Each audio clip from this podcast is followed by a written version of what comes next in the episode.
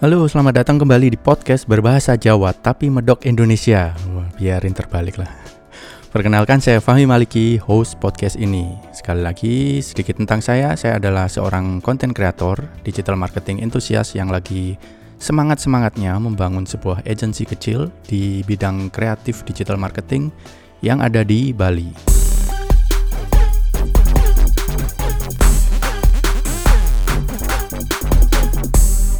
Oke, okay, oh, episode 4 hmm, hmm, hmm, Enak loh ternyata podcastan itu. Lumayan, lumayan. Kemarin itu ya yang mas episode sebelumnya Episode 3 yang bahas masalah graphic designer itu Cukup lumayan, cukup uh, Yang dengerin sampai habis itu lumayan Lumayan, sekitar ya 500 sorangan lah. Meskipun nggak sebanyak episode pertama saya dulu tapi ya terima kasih ya saya ucapkan buat teman-teman yang sudah support di podcast saya ini.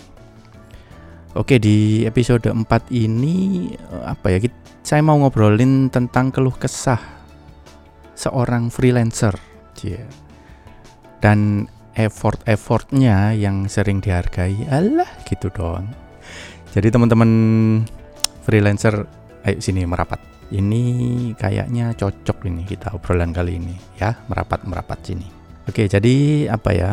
Mengulas suka duka yang dialami seorang freelancer atau pelaku pekerja lepas atau paruh waktu ya bahasa Indonesia nya yang nantinya ini kita sebut sebagai freelancers at least dari uh, sisi sudut pandang saya ya. Saya mungkin bisa salah ini yang maksudnya kalau kesah ini dan apa ya plus minus seorang freelancer itu based on apa yang saya pernah rasakan, apa yang pernah saya jalani.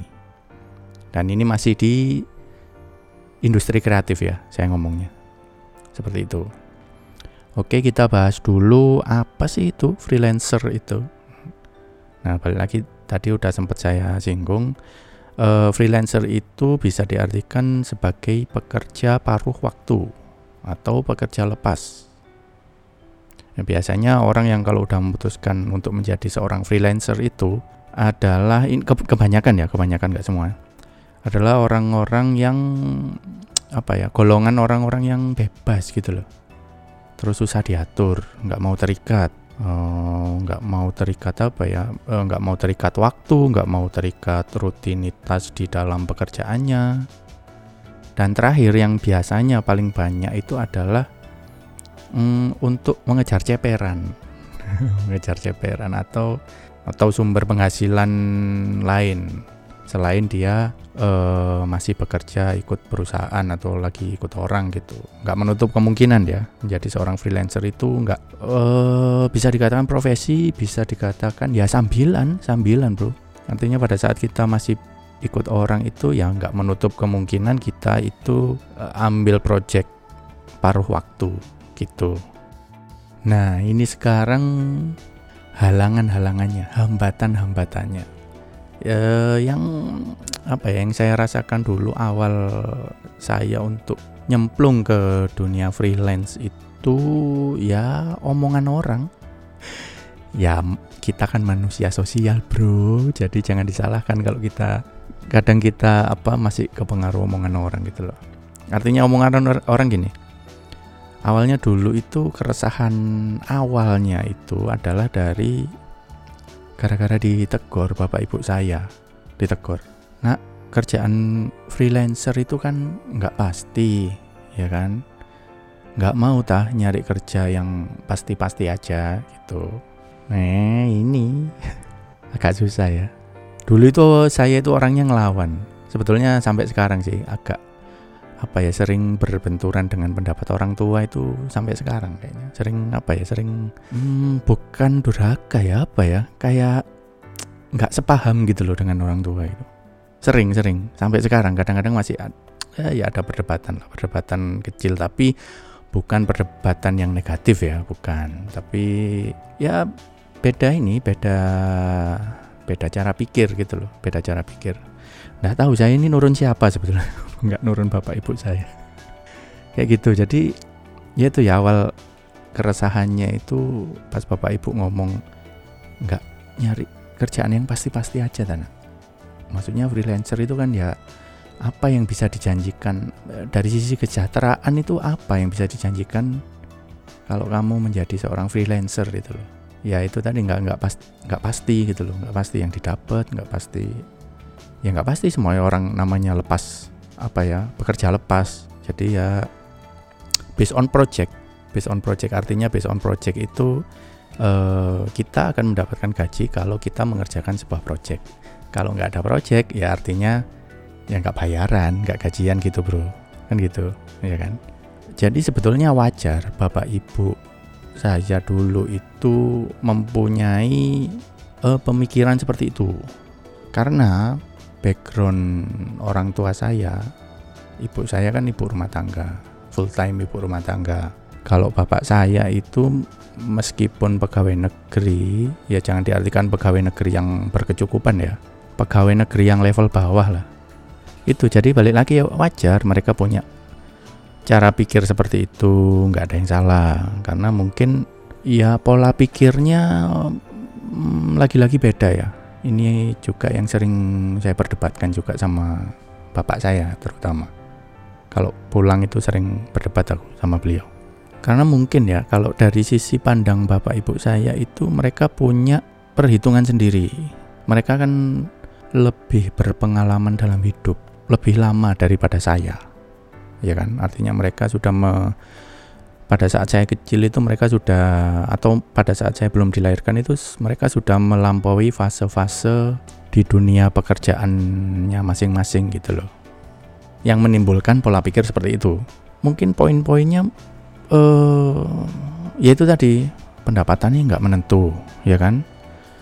Terus nggak punya jenjang karir gitu. Yang ada di pikiran mereka loh ya. Nggak punya jenjang karir terus nah kamu ndak bisa dapet tunjangan loh nanti dari perusahaan-perusahaan. Tak tunjangan kesehatan tunjangan apa pun pensiun kayak gitu gitu kan. Ini ngomongnya pola pikir pola pikir zaman dulu sih. Jadi kayak gitu ada kekhawatiran eh, bapak ibu saya terhadap saya untuk menempuh jalur ini.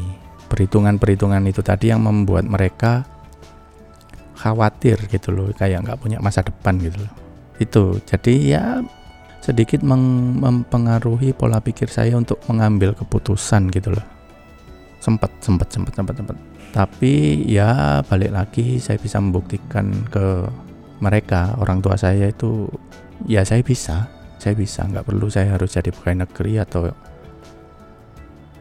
Oke, tantangan kedua itu apa ya? Lingkungan. Lingkungan. Selama yang saya rasakan sampai sekarang itu yang membawa impact kita itu adalah lingkungan. Lingkungan bisa jadi omongan orang, balik lagi omongan orang ini. Kita kok ngomongin omongan orang ya. Ya, taruhlah ada orang ngomong gini. Enak ya kerjanya freelancer itu santai, banyak waktu luang, duitnya kenceng waduh tapi ya pernyataan seperti ini pernyataan seperti tadi itu kalau kita sebagai freelancer nggak bisa memanage artinya apa ya salah nangkep per, pernyataan seperti itu tadi bisa jadi bumerang yang bisa mematikan kita sebetulnya. Sebetulnya ya kalau kita nggak bisa nangkep dengan benar omongan-omongan seperti itu. Sejujurnya kalau pas sebagai freelancer ya kalau pas pendapatan lagi kenceng ya kenceng banget bro. Kenceng banget. Tapi kalau pas lagi pacek klik ya belas nggak ada apa-apa. Kita nggak bisa dapat speser pun. Apalagi apalagi kayak di suasana pandemi seperti ini ya. Terus balik lagi ya, kalau dari omongan orang, ya intinya intinya kita itu jangan salah tangkep gitu loh.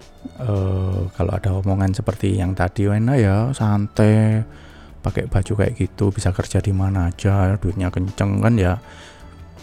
Kan ya mereka cuma lihat kita dari sisi luarnya bro, dari makeupnya, dari dari penilaian-penilaian mereka sendiri, atau mungkin dari apa yang kita posting di sosial media taruhlah ya kan nggak mungkin kita yang sedih-sedih gitu kan ya mungkin ya ada lah ada beberapa temen atau beberapa uh, lingkaran pertemanan saya itu yang isinya mengeluh, mengeluh aja.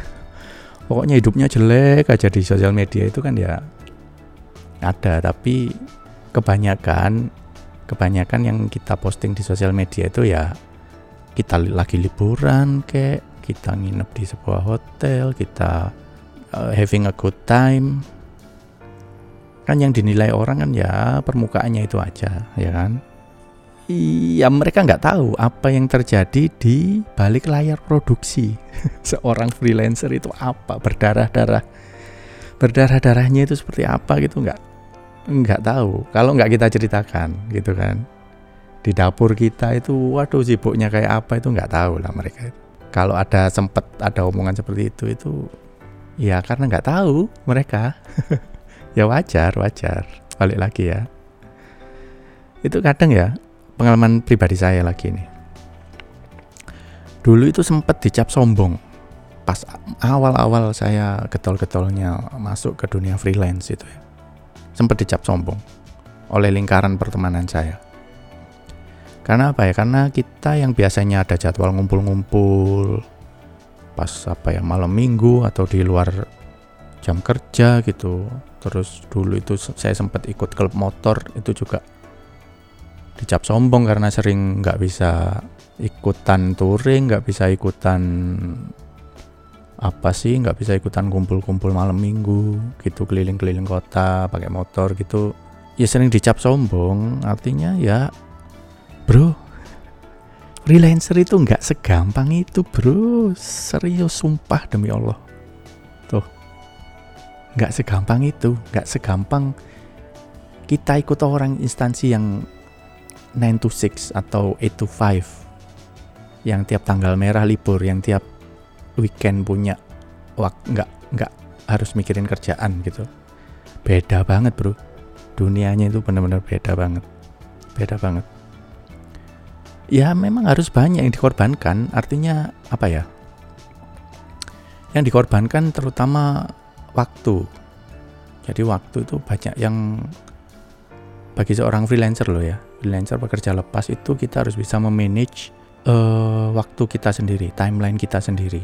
Tentunya semakin banyak project semakin banyak waktu yang kita butuhkan untuk menyelesaikan project tersebut. Entah itu tanggal merah entah itu hari raya. Sempat hari raya saya sendiri itu saya nggak pulang.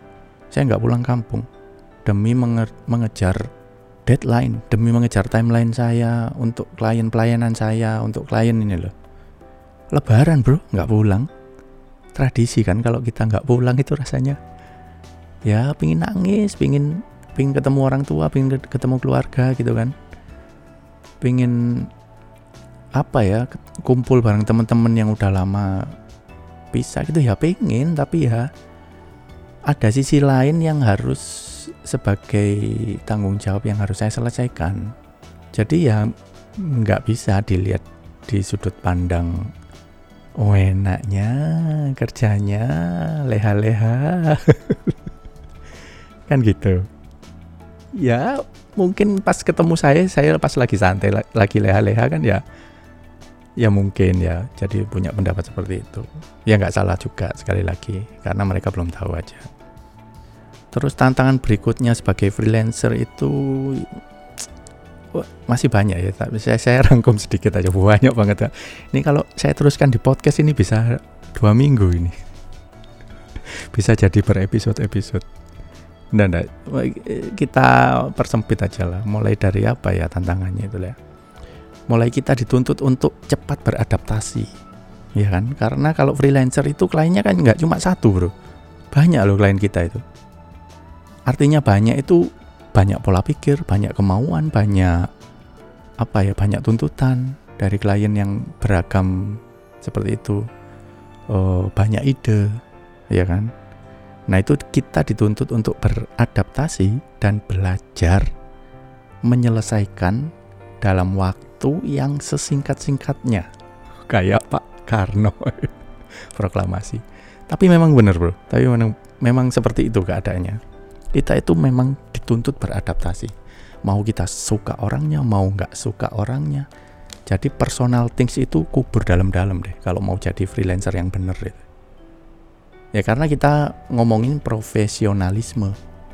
Ya kan kalau personal ya banyak klien saya klien yang saya nggak suka itu banyak banget di deretan klien loh ya banyak banget kalau cara personal loh ya dari orangnya yang sombong angkuh terus enaknya sendiri jam jam 3 malam nelpon uh, weekend ngasih kerjaan. Tapi balik lagi kalau ngomongin profesionalisme balik lagi ya apa apa yang kita kejar dan apa yang uh, klien harapkan dari kita itu at least ketemu gitu loh. Ya kan? Kan gitu idenya ide besarnya. Terus kita dituntut untuk bisa multitasking. Waduh multitasking cewek ini biasanya yang bisa multitasking. Biasanya loh ya story sambil masak gitu. Dan dan multitasking itu artinya apa ya? Uh, pada saat kita mengerjakan sebuah project itu tidak menutup kemungkinan kita menerima project lain ya kan? Terus uh, artinya multitasking di sini pada saat kita bekerja di sebuah project kita juga bisa harus bisa memanage klien-klien kita dan kita harus bisa memanage uh, semua deadline-deadline yang sudah masuk. Jadi nggak cuma satu, nggak cuma ngerjain desain tok, nggak cuma ngerjain uh, produksi tok, kompleks bro. Jadi ada banyak yang harus kita pikirkan untuk mendeliver dengan baik semua project-project yang kita ambil.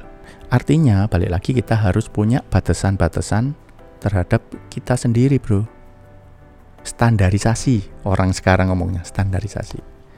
Baik standarisasi harga standarisasi waktu standarisasi pelayanan itu mulai di diciptakan diupayakan gitu. Diupayakan untuk mendeliver sebuah project itu dengan baik utuh dan benar. Meminimalis komplain klien.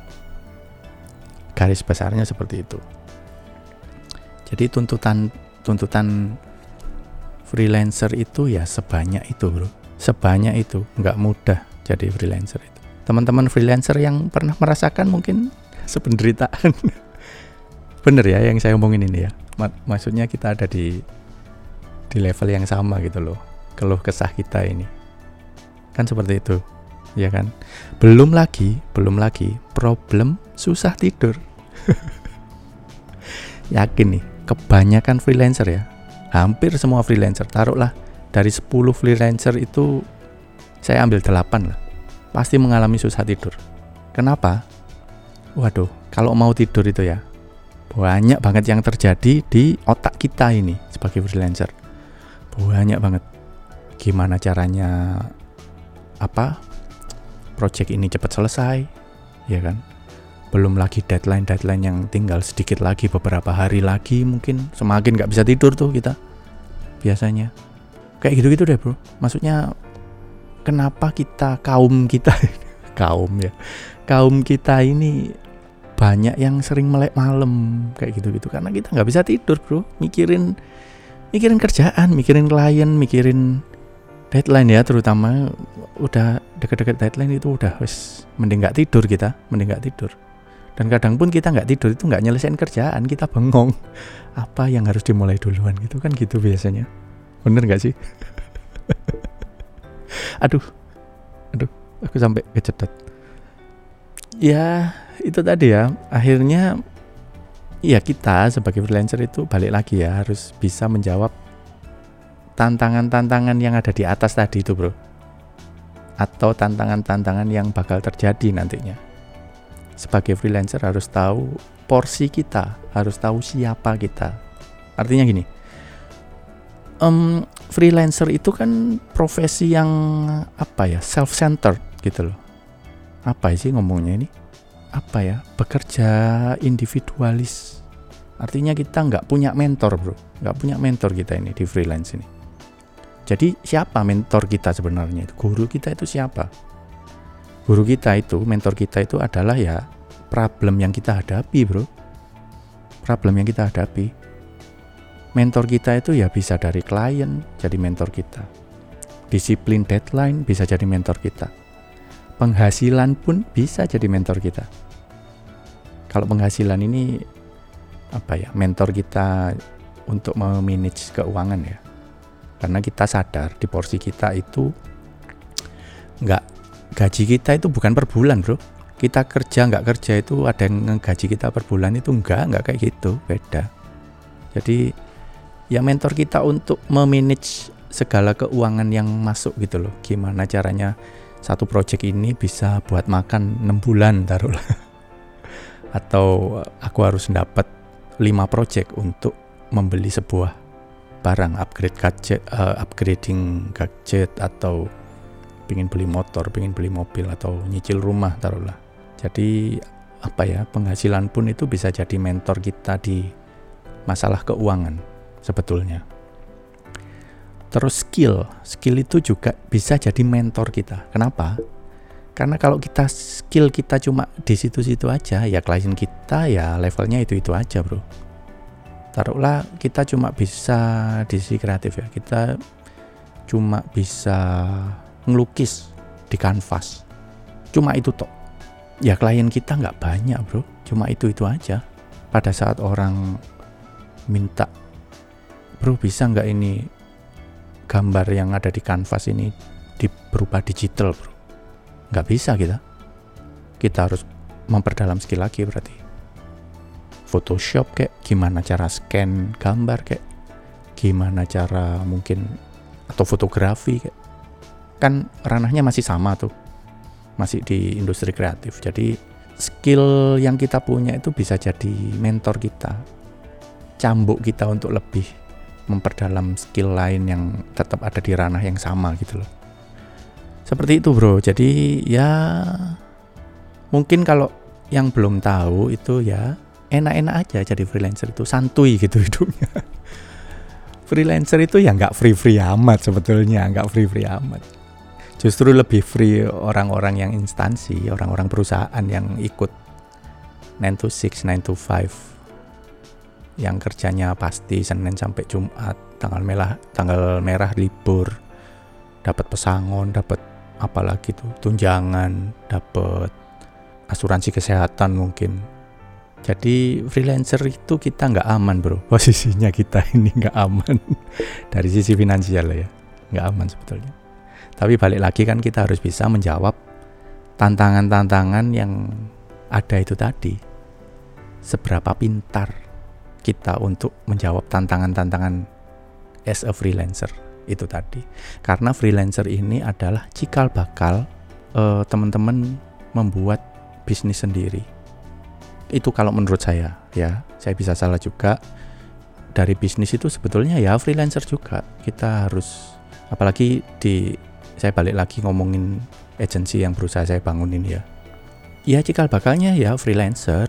Kita harus nyari klien sendiri ya kan kita nawarin sebuah project kita nawarin skill ke mereka kita nawarin service ke mereka ya memang cikal bakal kalau menurut saya cikal bakal teman-teman membuka sebuah bisnis gitu loh pada saat di bisnis ya ada lebih le, lebih tantangannya lebih kompleks daripada uh, seorang freelancer artinya ya manajemen keuangannya, terus disiplin deadline-nya, klien-kliennya. Itu kan ya lebih kompleks, lebih apa ya, treatmentnya itu lebih kompleks kalau di sisi bisnis. E, tantangannya sama tapi arusnya lebih kenceng gitu bro. ibaratnya gitu ibaratnya, ya kan. Terus tantangan berikutnya apa ya? Masih di lingkungan ini bro, lingkungan. Tahu nggak tantangan terberat itu apa? lingkaran pertemanan bro. Lingkaran pertemanan. Itu yang saya rasakan berat banget berat banget untuk menjawab tantangan ini bro. Berat banget. Ya kan? Contoh nih contoh contoh contoh. Bro kamu kan anak desain nih freelancer ya kan? Hmm ya terus? Duh, bau-baunya gak enak ini ya kan kamu anak desain freelancer nih bro. Ya kan udah tahu Photoshop udah tahu segala macam bikinin logo sama flyer dong bro. Oh ya boleh boleh boleh boleh. Harganya segini bro. Harganya segini ya. Oh, aku matok harga nih. Harganya segini bro. Biasanya yang terjadi ya kan? Halah bro, gitu doang mahal banget sih. Taruhlah fotografi lah. Halah gitu doang. Tinggal pencet tombol aja kok ya mahal banget toh bro. Waduh. Atau bikin logo lah biasanya. Bikin logo. Jujur ya, jujur dulu itu saya pernah, saya nggak sebut merek, saya nggak bakal sebut merek karena saya nggak di endorse sama dia. Dulu itu ada sebuah multinasional company ya alhamdulillah saya sempat bikin logonya logo sederhana bro itu dihargai sekitar zaman dulu ya berapa tahun yang lalu ya? Lima tahun yang lalu. Itu 30 juta beli putus 30 juta. Untuk sebuah logo loh ya. Karena ini pertemanan nah aduh balik lagi nih pertemanan. Kita kan temen bro. Kasih diskon lah. Gitu kalau bisa gratis ya gratis gitu. Biasanya kan gitu. Saya nggak menjelekkan loh ya tapi ini memang terjadi. Ini memang terjadi dan banyak terjadi. Di lingkungan saya. Seprofesi. Kita kan teman bro teman baik. Ya oke. Okay. bawa embel-embel teman baik biasanya. Iya bro. Terus gimana? Gini aja loh bro. Cuma gini gini gini bikin logonya ya simple simple aja bro. Simple simple aja. Brosurnya juga simple simple aja sejam paling kelar. Oke. Okay. ya udah gini aja deh budgetmu berapa gitu kalau nggak salah dulu itu aku matok harga itu ya murah lah. Logo plus desain kolateral ya. Logo desain kolateral itu oke okay bro 5 juta. Waduh bro mahal banget bro. Kita kan temen nih bro gini gini gini gini gini. Logonya simple aja bro. Brosurnya juga simple terus letterhead apa segala macam ini ini. Simple simple banget kok. Gampang ini. Gampang kok bro gitu. Lah kok gampang nggak dikerjain sendiri? Butuh orang lain ini ya memang susah bro jadi culture Indonesia yang ikatan kekerabatannya sangat kental itu memang sering disalahgunakan gitu loh untuk bernegosiasi dengan teman gitu loh. Saya merasakan sendiri, saya merasakan sendiri. Ironinya bro, ironisnya itu adalah kebanyakan itu ini terjadi di bidang jasa. Jasa, pokoknya jasa lah. Karena kan jasa itu nggak kelihatan nggak kelihatan bentuknya bro effort yang kita yang kita jual itu effort effort jam terbang itu yang kita jual. Beda kayak kita beli TV ke temen gitu kan. Kan ada barangnya. Bisa kelihatan, oh ini cacat, oh ini atau handphone deh, handphone. Waduh bro ini layarnya agak retak ini, bisa nggak ini agak di diskon atau waduh bro ini agak lemot ini butuh ini ini ini. ini. Aduh bro ini nggak ada chargernya ini handphonenya, bisa nggak dikurangin harganya? Kan enak ngomongnya kayak gitu, ya kan? ada barangnya soalnya enak lah kita yang jualan jasa nggak bisa bro agak susah agak susah meyakinkan bahwa kita bakal mendeliver service yang bagus bakal mendeliver uh, hasil yang dia mau bener nggak sih ya kan gitu jadi memang sering disalahgunakan dan ironinya adalah terjadi di era eh di era di area jasa, jualan jasa, penyedia jasa biasanya. Eh balik lagi nih ke temen yang tadi itu. Alah bro, kok mahal banget sih gini gini gini gini. Wes banyak banyak terjadi perdebatan di sana itu. Akhirnya gini, ya udah bro, budgetmu berapa sih sini? Aku kerjain deh. Budgetmu berapa? Budgetku 200 ribu bro. Itu kalau saya beli bisa beli sepeda Brompton. Saya beli dua, satunya itu mau tak kepruk ke kepalanya dia. Tapi kan enggak enggak enggak itu di hati kecil saya itu. Dan enggak, enggak, enggak bisa kayak gitu. Ya balik lagi karena pertemanan bro. Nggak bisa ngomong apa-apa. Antara mau ngambil proyeknya atau mengorbankan sisi pertemanan. Nggak mau ngambil proyeknya yes yes bakal bakal dicap sombong lah bakal dicap macem-macem lah macem-macem. Balik lagi ke keputusan kita ya. Standarisasi kita itu mau sampai di mana gitu karena kita tahu sendiri uh, effort yang bakal kita berikan untuk sebuah project taruhlah yang project yang itu tadi bikin logo bikin apa segala macam itu. Kita sendiri yang mengukur. Kita itu di pantas dibayar berapa sih sebetulnya untuk untuk project seperti itu gitu jadi ya akhirnya sempet sempet dulu itu sempet masuk ke dalam apa ya jebakan pertemanan gitu loh. Tapi gini ya sebelum bahas itu ya. Jadi teman-teman itu harus tahu kalau menurut saya teman yang baik itu adalah teman yang bisa mensupport kalian dari sisi mana pun. Paham ya artinya? Dari sisi mana pun ini gini pada saat teman-teman jualan makanan lah ini pas pada saat pandemi gini kan teman-teman banyak yang beralih ke jual makanan, ya kan? Pada saat kita teman-teman kita berjual makanan, kalau kita sebagai teman yang baik, ya udah support mereka dengan membeli produk mereka, udah nggak usah nawar. Karena ada effort mereka itu untuk masak, belanja, segala macem yang ada di balik sebuah presentasi makanan itu loh ya. Enak apa enggaknya itu urusan belakangan. Ini kalau ngomongin pertemanan nih, ya kan? Support mereka, beli produk mereka secara nggak langsung itu pada saat kalian membeli produk mereka, kalian itu mensupport mereka as a friend. Perlu diacungin jempol buat teman-teman yang sudah melakukan hal seperti ini. Karena balik lagi di di dapur mereka itu kita nggak pernah tahu repotnya mereka bangun jam 4 pagi belanja di pasar untuk mendapatkan harga yang murah untuk naikin profit mereka ya kan mereka bisa aja bangun siang beli di supermarket otomatis supermarket lebih mahal, profit mereka lebih kecil karena mereka nggak mungkin uh, jualan makanan di harga level yang mahal karena situasi pandemi, ya kan. Semua orang berusaha menekan pengeluaran mereka, itu yang terjadi. Itu ya, itu sedikit sedikit apa ya? Ya boleh didengarkan, boleh nggak sih, tapi kalau memang teman-teman ingin jadi teman yang baik ya, ya kondisikan seperti itu ini bukan sok bijak ya bukan sok bijak. Itu terus oke okay, balik lagi ya. Dulu itu sempat terjebak dengan pertemanan yang seperti itu. Jadi aku ngasih proposal 5 juta dia nawar jadi 200 ribu untuk sebuah logo dan kolateral. Teman-teman yang nggak ngerti kolateral itu ya desain mulai dari letterhead lah terus uh, amplop kartu nama kayak gitu-gitu loh bro gitu kan? Oke singkat kata aku ambil lah. Aku ambil tuh project oke dah bro. Atas nama pertemanan ini bro. Saya ambil. Oke. Sudah saya ambil udah nih mulai saya kerjakan. Nah ya otomatis jadi bumerang bro. Jadi menggerutu sendiri ya kan? Ngerjainnya itu nggak ikhlas. Nggak ikhlas. Apa ya jadi nggak mood ke ke bawah ke mana-mana. Terus udah bikin gini aja lah gitu. 200 ribu ini.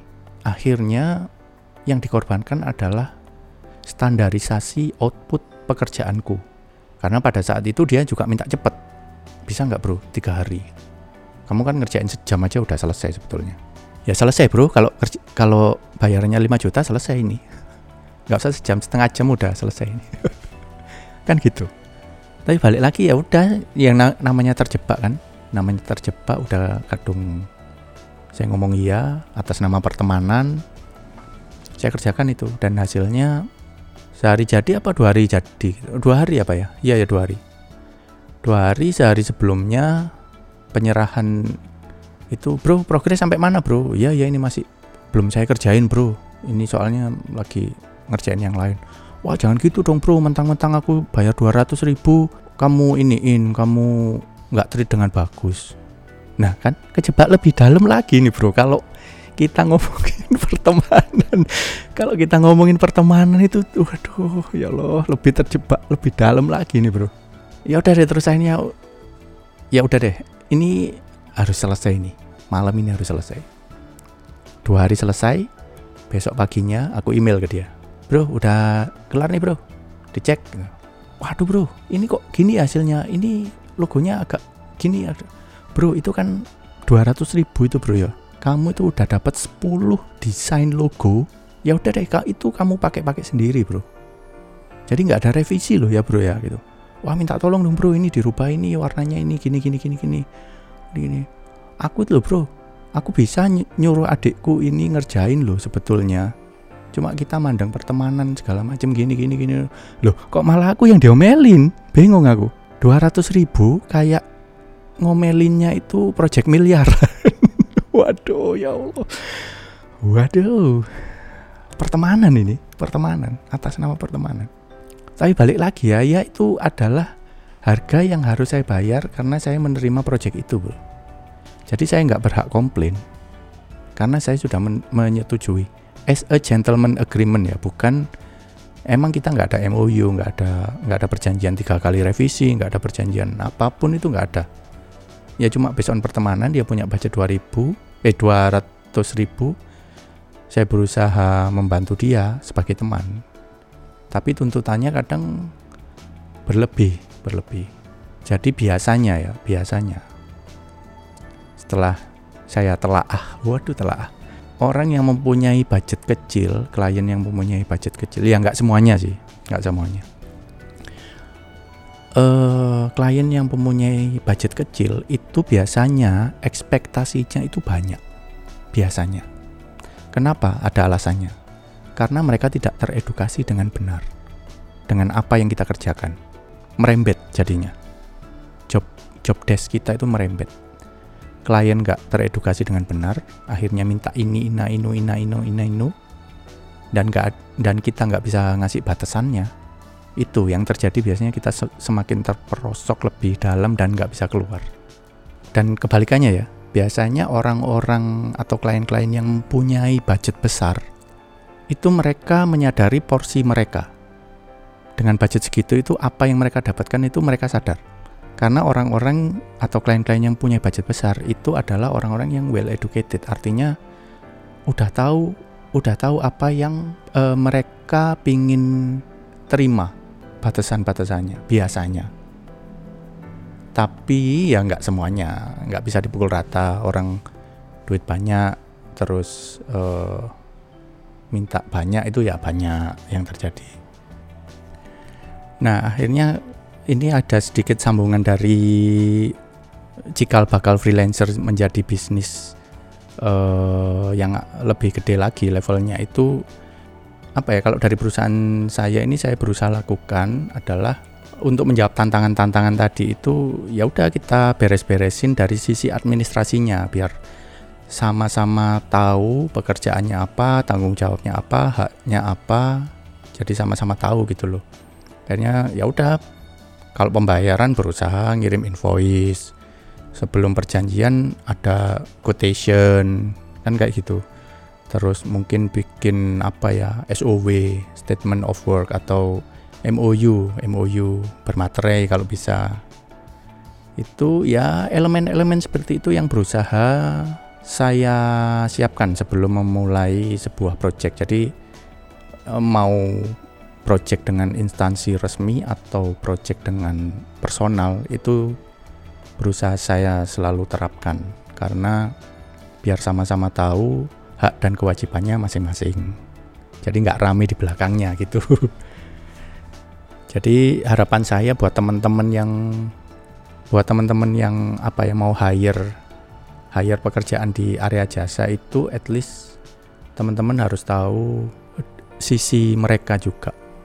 Jadi kita itu taruhlah saya sebagai uh, calon customer itu ya harus profesional. Artinya jadi klien juga harus profesional, harus menghargai apa yang bakal dia beli dan effort-effort apa aja yang terjadi di balik layar. Seperti itu. Jadi lebih enak gitu loh, Bro. lebih enak ngomongnya nanti. Ke depannya juga bakal apa ya? Bakal jadi bisnisnya jadi long time hubungan bisnis antara klien dan dan penyedia jasanya. Seperti itu. Terus uh, apa ya? Sempat ada obrolan juga jadi ada seorang temen gitu loh, dia bekerja di salah satu perusahaan gede banget di Jakarta. Terus ngobrol nih pas datang ke Bali, kok enak mi ya ini jadi freelancer kayak gini gini gini gini. Enggak bro, aku bukan freelancer lagi sekarang aku udah bikin agensi ya. Udah mulai bikin standarisasi nih. udah mulai bikin standarisasi. Jadi iya bro, gimana ini? Apa sih kayak tips-tipsnya gitu? Waduh kalau tipsnya nggak punya aku bro. Maksudnya apa ya? Nanti kalau aku ngasih tips jadinya kayak menggurui gitu. Enggak enggak bukan tips lah. Artinya apa ya? Kayak uh, ya udah mulai ngobrol ngobrol gitu kan. Ngobrol terus. Aku itu pingin bro. Sebetulnya itu aku udah lelah. 9 to 6 Senin sampai Jumat saya pingin itu libur itu ya Senin bisa libur Rebo bisa libur. Terus rekreasi sama anakku ke puncak. Kalau Jakarta kan rekreasinya ke puncak kebanyakan ke puncak itu nggak harus malam minggu ngantri lah apa macetnya. Kalau working days itu kan rasanya enak gitu liburan sama keluarga terus hotel juga nggak mahal di weekend terus atraksi-atraksi yang kita kunjungin juga nggak mahal kalau weekdays. Iya bener juga sih bro gitu. Mau bro aku jadi startingnya kayak apa nih? Apa saya harus terjun ke freelancer dulu gitu? Ya nggak harus juga bro. Itu keputusan besar loh bro. Sebuah keputusan besar. Kamu sekarang gajimu itu udah gede aku bilang gitu kan. Harus banyak yang dikorbankan bro. Harus banyak yang dipelajari juga. Harus banyak yang yang iya yang dikorbankan itu banyak banget kamu itu udah ada di comfort zone sekarang. Sekarang ini loh bro ya. Dibandingkan aku yang harus masih Sabtu Minggu itu kadang harus meeting dengan klien itu nggak enak bro. Aku berusaha me, apa ya bukan bukan bukan mematahkan semangat dia tapi berusaha me, menceritakan sisi dukanya dulu nih. Jangan dilihat enak-enaknya toh terus yang jadi permasalahan besarmu itu, iya, iya, dia bilang gini yang yang jadi permasalahan besar saya nih sekarang nih ya. Saya itu pingin keluar dari perusahaan saya sekarang ini dan buka usaha sendiri as a freelancer di industri kreatif juga. Tapi saya kan nggak punya banyak koneksi bro. Mana bisa dapat job gitu? Nah ini aku bilang ya bro ini jangan sakit hati ya bro ya aku ngomong kayak gini ya. Kalau cara pikirmu seperti itu bro kamu nggak akan pernah memulai di dunia freelancer. Kalau cara pikirmu seperti itu. Karena ya kamu belum belum mulai udah takut sendiri gitu loh bro. Bener gak sih? Ya memang pasti ada proses berdarah-darah itu pasti kamu ngelewatin. Nggak bisa seenak kayak kamu sekarang. Nggak bisa seenak kamu kayak sekarang. Terus akhirnya dia ngomong kan karena sebetulnya saya ini kontrak bro. Di tempat saya bekerja ya sekarang ini kontrak saya mau habis dan bisa jadi bisa diperpanjang atau enggak gitu. Saya ingin menyiasati memang enggak diperpanjang kontraknya artinya ya udah aku nggak mau hidup di area Senin sampai Jumat lagi bro. Nah terus akhirnya balik lagi jangan sakit hati bro ya aku ngomong kayak gini. Ini as a friend as a friend as a friend aku ngomong gak gampang ya. Tolong dicamkan ini gak gampang kamu mulai sebuah langkah baru itu gak gampang pasti ada proses berdarah-darahnya pasti ada proses jatuhnya pasti ada proses pembelajarannya di mana yang bakal sakit banget itu ada yang lewati masa-masa seperti itu Apakah kamu siap? Are you ready? kamu siap nggak bro? Ya siap-siap aja sih bro. Apa sih yang kira-kira? Ya udah akhirnya semua yang jelek-jelek tentang bukan yang jelek ya. Semua ten, keluh kesah duka-duka berdarah-darahnya jadi seorang freelancer itu ya udah tak tak gelontorkan ke dia. Sekali lagi bro, ini memang terdengar menyakitkan, tapi ini adalah apa ya sebuah suplemen bisa jadi suplemen bisa jadi racun buat kamu untuk bisa membuat kamu bertumbuh bisa mematikan kamu di pola pikir masuk ke ke langkah yang baru karena pada saat kamu ngomong seperti itu otomatis kamu bikin tembokmu sendiri bro. Bikin batasanmu sendiri. Dan apakah batasan itu yang kamu ciptakan itu bisa kamu hancurkan dan kamu lewatin itu ya balik lagi ke kamu prosesnya seperti apa. Gitu.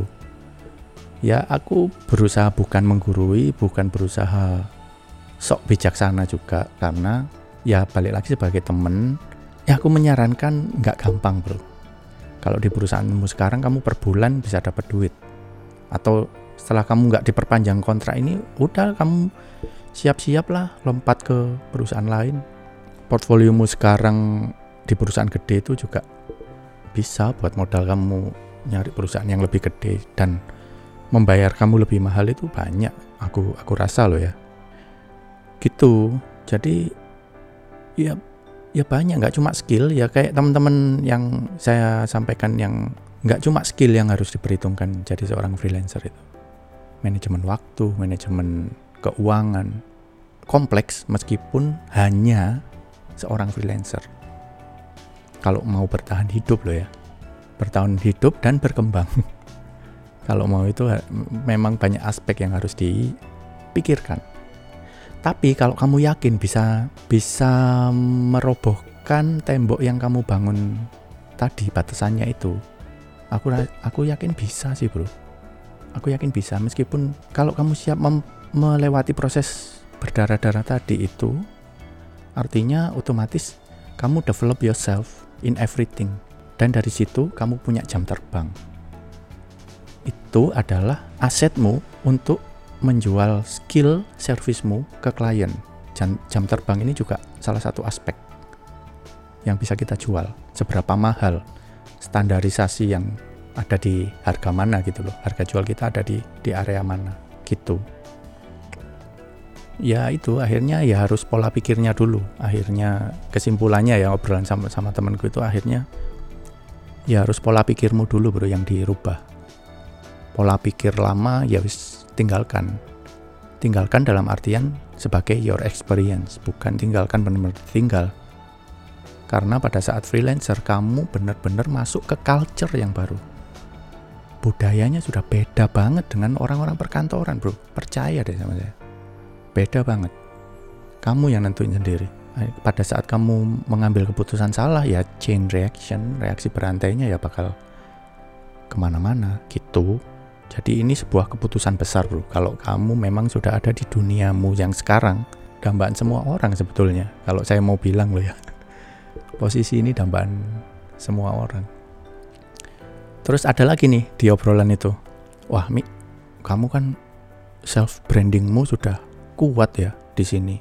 Itu klien Jakarta ku aja udah dengar kok namamu gitu kan. Lah dibandingkan dengan saya yang baru mulai, gimana? Makanya even kamu jadi freelancer pun sebelum punya perusahaan kayak sekarang ini klienmu di mana-mana orang self brandingmu udah kuat kok. Udah terpercaya kok di mana-mana. Loh bro. Ya ini balik lagi ke poin yang tadi itu bro. Proses berdarah-darahnya itu loh. Itu maksudnya gimana kita mau membantu uh, gimana kita mau membangun self branding kita masing-masing kalau kita nggak melalui proses itu tadi kenal sama klien treat klien seperti apa service klien seperti apa bla bla bla bla bla bla itu nggak bisa. Namanya branding itu nggak bisa instan bro nggak bisa. Kamu bikin perusahaan sekarang terus rame gitu ya nggak bisa. Branding itu hal pertama hal pertama apa ya? Hal pertama yang harus di dicamkan posisi sebuah brand itu gimana kamu maintain yourself as a brand itu gimana? Seperti itu bro. Baru kita bisa ngomong jualan. Ya kayak yang ngobrol tadi itu macam-macam elemen-elemen yang harus ditanamkan. Even medok saya ini bahasa Jawa medok saya ini dari awalnya itu adalah sebuah kelemahan ya karena nggak bisa hilang. Itu jadi salah satu self branding saya di klien-klien perkotaan itu saya sering ditertawakan wah lama mas medok sekali sih. Bunyi bunyi bunyi tapi itu bisa saya manfaatkan kelemahan itu bisa saya manfaatkan menjadi sebuah candaan. Candaan apa ya? Iya bu waduh. Ibu percaya tahu mau ini sama orang medok kayak saya ini? Biasanya kan orang medok itu ya maaf maaf kata saya nggak merendahkan profesi loh ya. Orang medok itu biasanya ya kuli kayak gitu gitu apalagi orang Jawa hitam kayak saya ini biasanya ya kuli bangunan kayak gitu. sekali kali saya nggak merendahkan profesi ya. Tapi kebanyakan orang kan gitu melihat medok itu kan ya rendah banget kastamu. Tapi ya udah itu bikin secara otomatis bikin apa ya membuat sebuah my my self branding my own branding. Pada saat ketemu petinggi-petinggi di Jakarta gitu salah satu perusahaan pemerintahan lah BUMN gitu. Ya saya ngobrol apa adanya. Artinya klien-klien sekarang pun itu juga suka orang yang jujur. Artinya saya nggak berusaha nggak berusaha sok ke Jakarta Jakartaan yang woi lu gini atau Jakarta anak Jak anak Jakarta Selatan yang apa ya bahasa Inggris campur bahasa Indonesia gitu ya nggak bisa. Orang bahasa Inggris saya juga medok. Tapi itu jadi apa ya jadi ujung, ujung tombak saya untuk lebih breaking the ice sama klien-klien penggede biasanya. waduh mas medok loh sampai ini mas. Gini gini. Dan kadang mereka juga ikutan medok gitu loh. Orang Jakarta yang ikutan medok itu ya karena apa ya karena saya gitu loh. Artinya dulu ada sempat diundang meeting itu di Hotel Bintang 5 di Jakarta. Restoran ini restoran gede. Restoran gede. Kan menu-menunya kan steak gitu kan steak lah pizza pasta waduh ya udah akhirnya kan saya nyeletuk saya memanfaatkan kelemahan saya itu untuk jadi anekdot gitu loh di sebuah lingkungan para petinggi-petinggi itu. Waduh pak kayaknya ini makanannya nggak cocok loh pak. Saya ini lidah Jawa ini ya paling pecel kayak gitu-gitu pak. Tahu isi gorengan kayak gitu-gitu. Loh mas saya itu juga suka loh mas pecel itu. Saya itu kalau jadi apa ya lebih sebelum masuk ke profesionalisme kerja itu saya secara nggak sadar itu sudah membangun kedekatan dengan bapak-bapak yang akan menjadi klien saya ini. Wah akhirnya ya apa pun jadi ngelocor. Apa sih ngelocor itu? Ya kan? Ini medok lagi nih. Jadi tertumpah secara nggak sadar gitu loh. Teman-teman bapak-bapak uh, petinggi-petinggi tadi itu jadi yang iya loh mas uh, jadi merasa safe dengan saya. Merasa apa ya otomatis saya memposisikan diri saya itu sebagai orang yang bisa dipercaya pada saat dia ngomongin kerjaan bisa nggak mas? Oh, kayak gini mas. Dibikin kayak gini kayak gini kayak gini. Soalnya ini mas sempat ada penawaran dari tempat lain itu. Nah ini udah mulai ngomongin kerjaan nih. Soalnya uh, di tempat lain itu gini loh mas. Gini gini gini gini gini. Mas Wami bisa nggak? Yakin bisa nggak? Oh uh, saya nggak berusaha menjual servis saya loh pak ya di sini. Bapak bisa lihat portfolio saya jam terbang saya skill saya apa yang skill yang saya miliki apa aja bapak bisa cek. Terus dari situ kan sebetulnya sudah sebuah data lengkap toh Pak. Presentasi saya bahwa saya ini siapa dan capable saya ini di bidangnya ini sejauh apa gitu. Oh iya iya iya iya iya. Atau kita coba deh Pak, kita coba sebulan deh, kita coba sebulan hire layanan saya. Nanti we'll see lah sebulan ini. Kalau bapak nggak cocok nggak usah diperpanjang. Nggak apa-apa, oke. Okay. Ya nggak apa-apa, kita masih temenan nih Pak. Nah ini bahasa-bahasa yang kayak gitu nih, bahasa marketing yang kayak gitu itu yang apa ya? Yang mulai saya saya pelajari dan saya terapkan lah. Artinya saya saya jadi bangga dengan medok saya sekarang ini. Kayak gitu. Jadi artinya self branding itu ya nggak bisa instan. Memang harus ada proses yang harus dilewati gitu loh nah outputnya ini bisa macam-macam bisa. Saya saya nggak nggak ngomong saya selalu berhasil loh ya. Membangun self branding saya ini saya nggak selalu berhasil. Banyak juga. Jatuhnya banyak juga sakitnya sakit hatinya ya banyak juga. Penolakan penolakan itu ya banyak banget. Seiring perjalanan waktu itu ya banyak banget banyak banget. Gitu. Jadi itu aja kali ya teman-teman uh, untuk episode kali ini. Uh, saya akhiri jadi mungkin kesimpulannya apa ya saya itu udah empat episode itu masih nggak bisa ngambil kesimpulan loh dari apa yang saya obrolin aduh maafkan ya masih proses pembelajaran. Mungkin bakal cukup memakan waktu yang lama proses pembelajaran saya kali ini. Jadi mungkin ya freelancer itu sebuah pilihan teman-teman, sebuah pilihan. Kalau teman-teman mau memilih ke jalur tertentu itu pasti ada resikonya. Nggak mungkin mulus-mulus stok gitu, nggak mungkin. Jadi ya elemen-elemen apa aja, terus pembelajaran itu juga penting. Uh, apa yang harus dipersiapkan itu juga penting. Baru teman-teman bisa nyemplung dengan benar di area freelance ini, area paruh waktu, pekerjaan paruh waktu. Buat teman-teman instansi atau perusahaan yang masih bergabung itu pasti juga nggak menutup kemungkinan mereka juga punya side job ini istilahnya, kerjaan sampingan sebagai seorang freelancer. Nggak menutup kemungkinan. Jadi kalau teman-teman mau full time jadi freelancer ya do it with your own risk ya itu aja lah aku juga bingung mau ngobrolin apa lagi jadi terima kasih ya teman-teman yang sudah mensupport podcast saya dan buat teman-teman kali ini yang mendengarkan sampai detik ini terima kasih banget terima kasih terima kasih banget sudah mensupport saya. Saya akhiri podcast kali ini. Terima kasih. Saya Fahmi Maliki host podcast ini. Goodbye